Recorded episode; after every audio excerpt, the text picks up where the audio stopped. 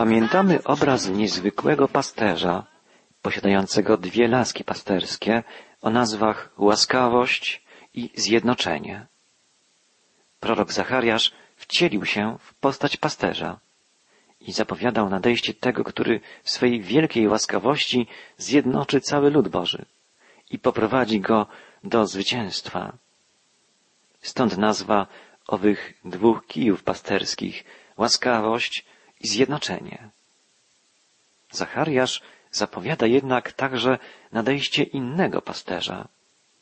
Czytamy w jedenastym rozdziale Księgi Zachariasza od wiersza piętnastego. Później rzekł Pan do mnie, weź powtórnie wyposażenie głupiego pasterza, albowiem sprowadzę temu krajowi pasterza, który nie będzie się troszczył o to, co ginie, nie będzie szukał tego, co błądzi, nie będzie leczył tego, co zranione, nie będzie karmił tego, co zdrowe, ale będzie zajadał mięso tłustych zwierząt, a ich kopyta będzie obrywał. Straszne słowa. Pasterz, o którym prorokuje Zachariasz tym razem, to antychryst. Zamiast troszczyć się o trzodę, będzie ją niszczył. Będzie ją wręcz pożerał. Dlaczego więc w ogóle nazwany zostaje pasterzem?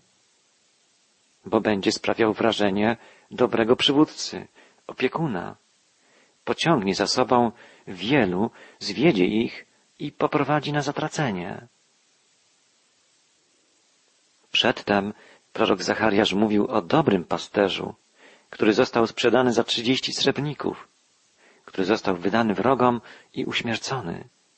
A teraz Boży prorok ukazuje nam postać fałszywego pasterza, który pojawi się znacznie później, u kresu historii.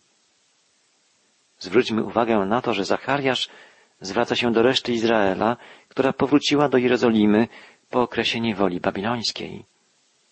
Prorok zapowiada, że w przyszłości Izraelici odrzucą dobrego pasterza, że zostanie on sprzedany wrogom, wydany na śmierć, a potem nadejdzie inny pasterz, fałszywy, ten, który, jak ostrzega prorok, nie będzie się troszczył o to, co ginie, nie będzie szukał tego, co błądzi, nie będzie leczył tego, co zranione, nie będzie karmił tego, co zdrowe, będzie przeciwieństwem dobrego pasterza, będzie antychrystem.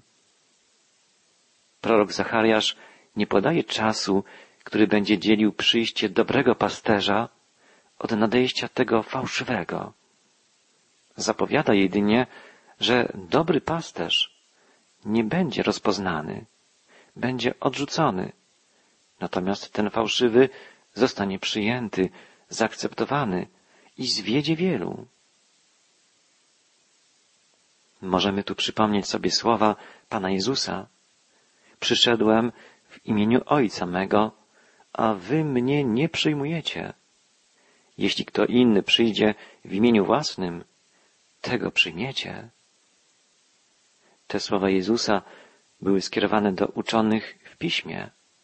Powiedział im, badacie pisma, bo sądzicie, że macie w nich życie wieczne, a one składają świadectwo o mnie. Mimo to do mnie przyjść nie chcecie. Duchowi przywódcy Izraela nie rozpoznali dobrego pasterza. Rozpoznają go jako swego Mesjasza dopiero w czasach eschatologicznych. Jednak wcześniej dadzą się zwieść fałszywemu prorokowi, antychrystowi, który sprowadzi na lud pierwszego przymierza wielki ucisk. Choć to proroctwo dotyczy ludu izraelskiego, dla Kościoła nie pozostaje bez znaczenia. Historia Kościoła, ludu pierwszego przymierza, rozpoczyna się przecież od pierwszego przyjścia Mesjasza, Chrystusa na ziemię, a zakończy się pochwyceniem, zabraniem z ziemi całej wspólnoty wierzących, zjednoczonych z Chrystusem. Dopiero potem nastąpi okres wielkiego ucisku, zakończony drugim przyjściem Chrystusa w mocy i chwale. Dopiero wtedy Izrael rozpozna swego Mesjasza jak czytamy w następnym rozdziale Księgi Zachariasza. Na dom Dawida i na mieszkańców Jeruzalem wyleję ducha pobożności. Będą patrzeć na tego, którego przebili i boleć będą nad nim, jak się boleje nad jedynakiem i płakać będą nad nim, jak się płacze nad pierworodnym. Wtedy rozpocznie się era Królestwa Mesjańskiego, era tysiącletniego Królestwa. Ale przedtem jeszcze raz lud izraelski zostanie poddany próbie wierności, posłuszeństwa, pokory. Doświadczenia wielkiego ucisku, zgodnie z zapowiedziami proroków, przewyższą wszystkie dotychczasowe cierpienia i próby, przez które musiał przejść Izrael. Jednak prorok Zachariasz zapowiada, tak jak przed nim wcześniejsi wielcy prorocy Starego Testamentu, że fałszywy pasterz zostanie ostatecznie zniszczony, unicestwiony.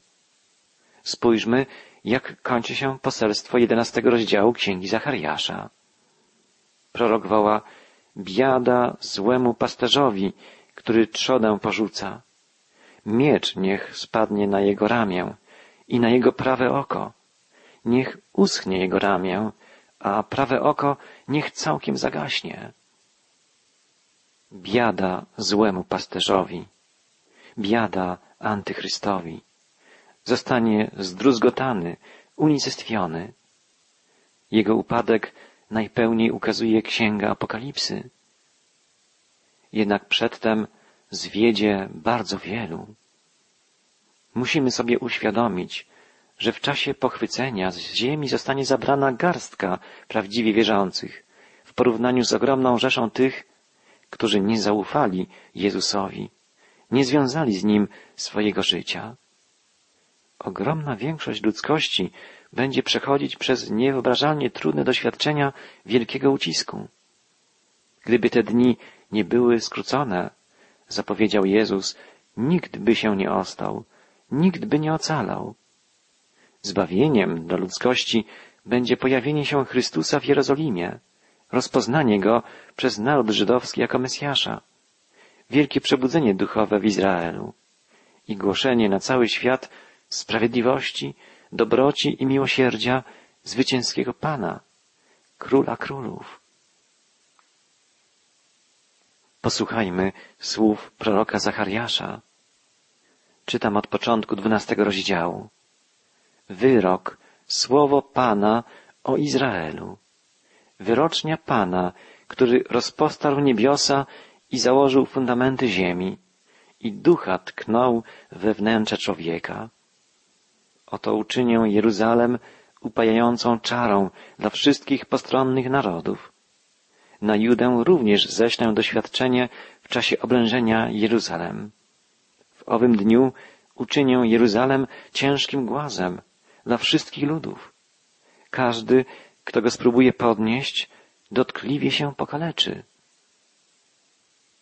To początek proroctwa przedstawiającego prawdziwą panoramę czasów ostatecznych. Zachariasz podkreśla, że ogromną rolę w Bożym planie zbawienia odgrywa i będzie odgrywać naród izraelski. Prorok rozpoczyna od stwierdzenia wyrok, słowo Pana o Izraelu.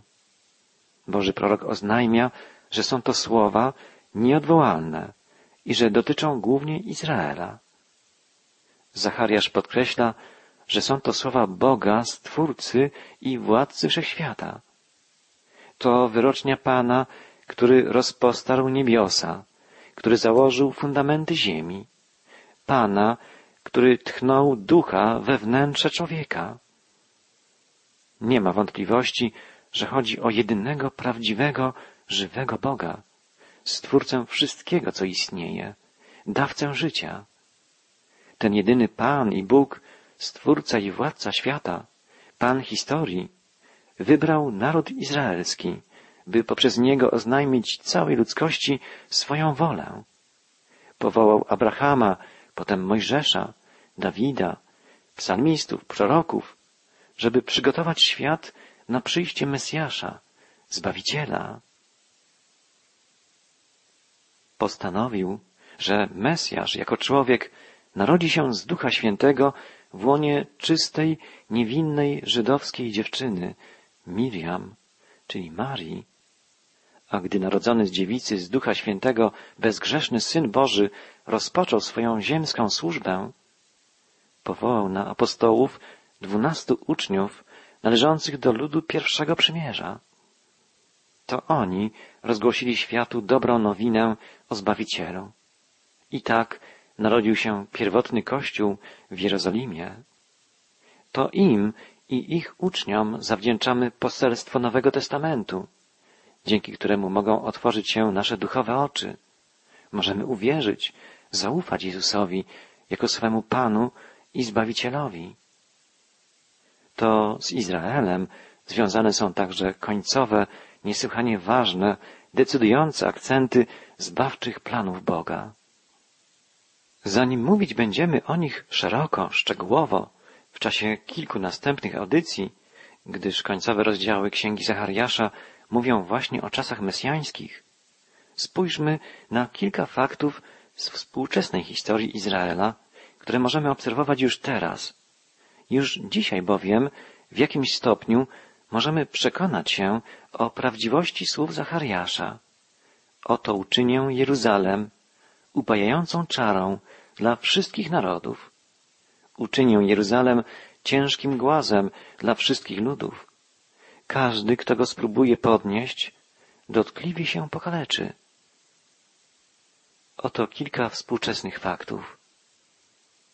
Po zakończeniu II wojny światowej, kiedy zrozumiano rozmiar katastrofy, jaka spotkała Izraelitów w Europie, wszędzie podniosły się żądania o podjęciu szybkiej akcji, aby zrehabilitować naród żydowski, żeby pomóc się w osiedleniu w ojczyźnie tym, którzy przetrwali Holokaust poprzez ustanowienie państwa żydowskiego. Holokaust, który pochłonął życie sześciu milionów żydowskich mężczyzn, kobiet i dzieci, jedną trzecią wszystkich Żydów na świecie, spowodował wstrząsające wrażenie przede wszystkim na samych Żydach, ale także na wielu innych ludziach z wszystkich narodów świata. Według księgi Ezechiela, rozdziału 37, Dolina Suchych Kości, reprezentująca cały dom Izraela, podniesie się ze swych grobów, powróci do swojej ziemi i stanie się niezmierzoną wielką armią. Tak prorokowali także Izajasz, Jeremiasz, Zachariasz. W jakiejś cząstce zdarzyło się to już w 1948 roku. Bóg sprawił, że część Izraelitów mogła powrócić do ojczyzny. Przed ustanowieniem państwa Izrael Brytyjczycy próbowali wypracować układ w sprawie Palestyny do zaakceptowania zarówno przez Arabów, jak i Żydów. Ponieważ im się to nie udało, z początkiem roku 1947 przekazali problem do Organizacji Narodów Zjednoczonych. ONZ wysłała do Palestyny specjalną komisję złożoną z przedstawicieli 11 państw, aby zbadała sytuację w tym regionie. Komisja stwierdziła, że żyją tu dwie grupy etniczne Żydzi i Arabowie i obydwie te grupy żądają dla siebie całego kraju. Aby zaspokoić narodowe aspiracje obydwu tych grup, Komisja zaproponowała zakończenie mandatu brytyjskiego i podzielenie całego kraju na państwo arabskie i żydowskie, w zależności od etnicznej koncentracji na danym obszarze. Jerozolima natomiast miała pozostać strefą międzynarodową. Dążąc niecierpliwie do niepodległości, Żydzi palestyńscy skłonni byli przyjąć kompromis, jakim był podział kraju. Jednak Arabowie zbojkotowali plan ONZ-u.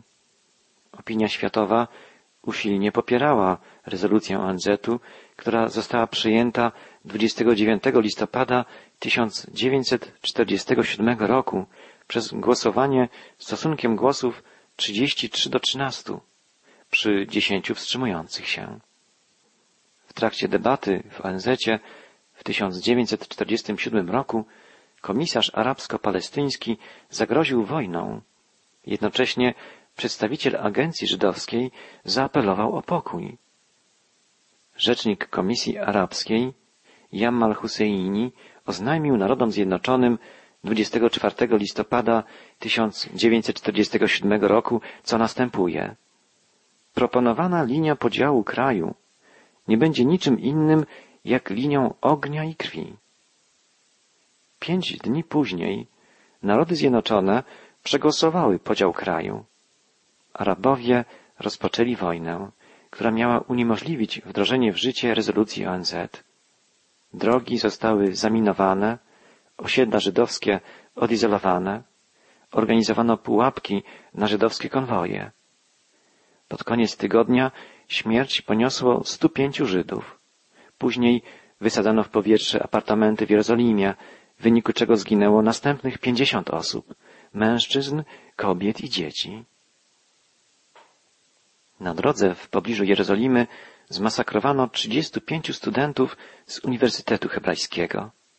Duże straty w ludziach pociągnęło zbombardowanie agencji żydowskiej. Ostrzał konwoju na drodze do szpitala Hadassa na górze Skopus pozbawił życia następnych 77 Żydów, lekarzy, pielęgniarek, naukowców.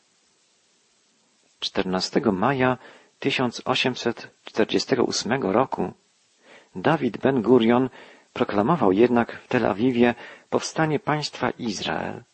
Powiedział wtedy, czekaliśmy na tę godzinę dwa tysiące lat.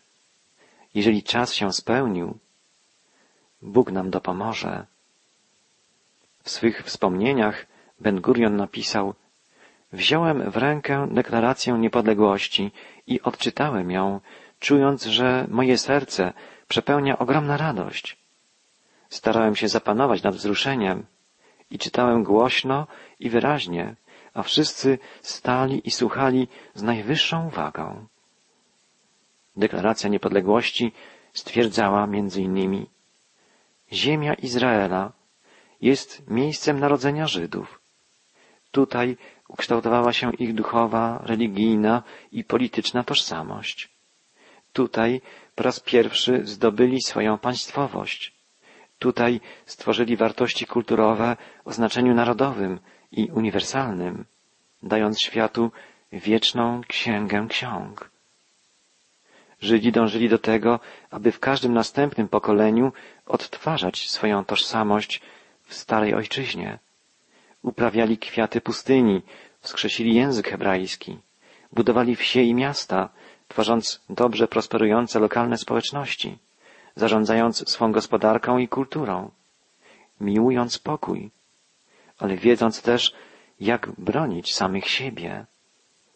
Państwo Izrael, mówi dalej deklaracja niepodległości, będzie wspierać rozwój swojego kraju dla dobra wszystkich jego mieszkańców.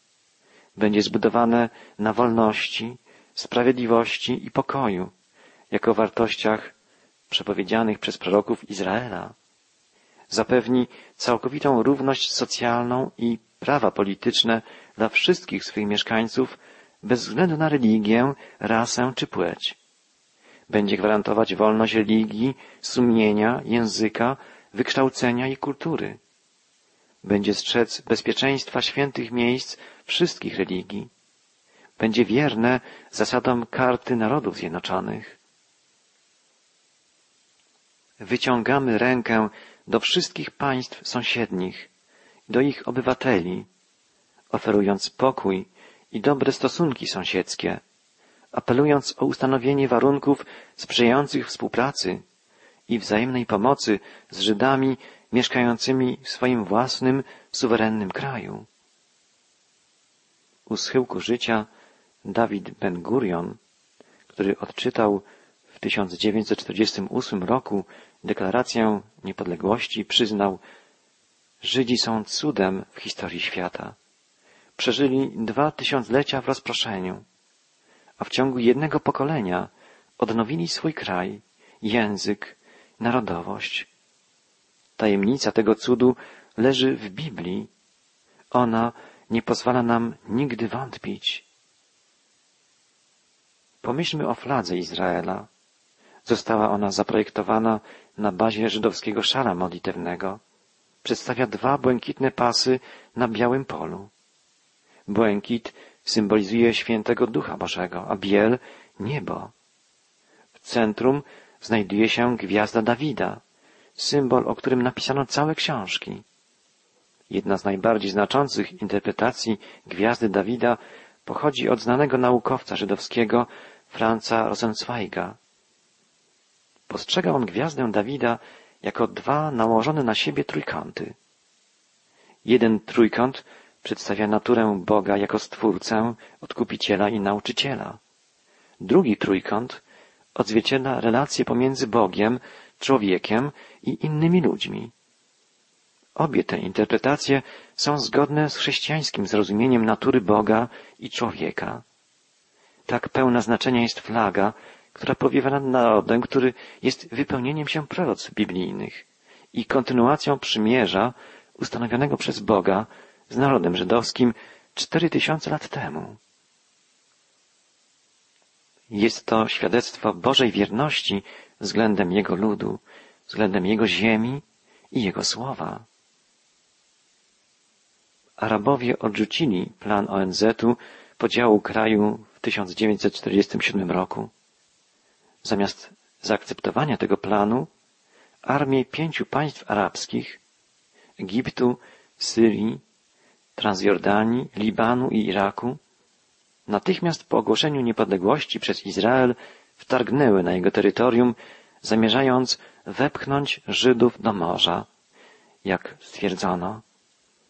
15 maja 1948 roku sekretarz generalny Ligi Arabskiej powiedział w Kairze, w tej wojnie dokonamy eksterminacji, także takich masakr, że będzie się o nich mówić jak o masakrach przeprowadzonych przez Mongołów czy krzyżowców. Jego słowa nie okazały się jednak prorocze. Izrael obronił się. Nie tylko zachował to, co zostało mu dane przez ONZ, ale nawet zyskał nieco więcej. Te obszary, które były przeznaczone na utworzenie arabskiego państwa w Palestynie, znalazły się pod okupacją innych państw arabskich. Zachodni brzeg Jordanu zajęła Jordania, a strefę gazy Egipt. Po ustanowieniu państwa Izrael zaczęli tu napływać żydowscy uchodźcy z II wojny światowej, a także z krajów muzułmańskich Środkowego Wschodu. W latach 1948 do 1972 około półtora miliona imigrantów przybyło do Izraela. Wszystkim trzeba było zapewnić miejsce zamieszkania, lekcji języka hebrajskiego. Wielu z nich potrzebowało opieki lekarskiej. Wszystkie koszty z tym związane spadły na barki mieszkańców Izraela oraz na społeczności żydowskie na całym świecie. Odrzucenie planu podziału z 1947 roku oraz wybranie wojny przez Arabów palestyńskich spowodowało, że nie wykorzystali oni sposobności, aby uzyskać własną ojczyznę. Utracili ją poprzez uparcie prowadzoną politykę wszystko albo nic. To tylko kilka faktów ze współczesnej historii. Już dzisiaj, zauważmy, potwierdza się w jakimś stopniu prawdziwość zapowiedzi proroków, w tym proroctwa Zachariasza. Uczynię Jerozolimę upajającą czarą dla wszystkich narodów. Uczynię Jerozolimę ciężkim głazem. Każdy, kto go spróbuje podnieść, dotkliwie się pokaleczy.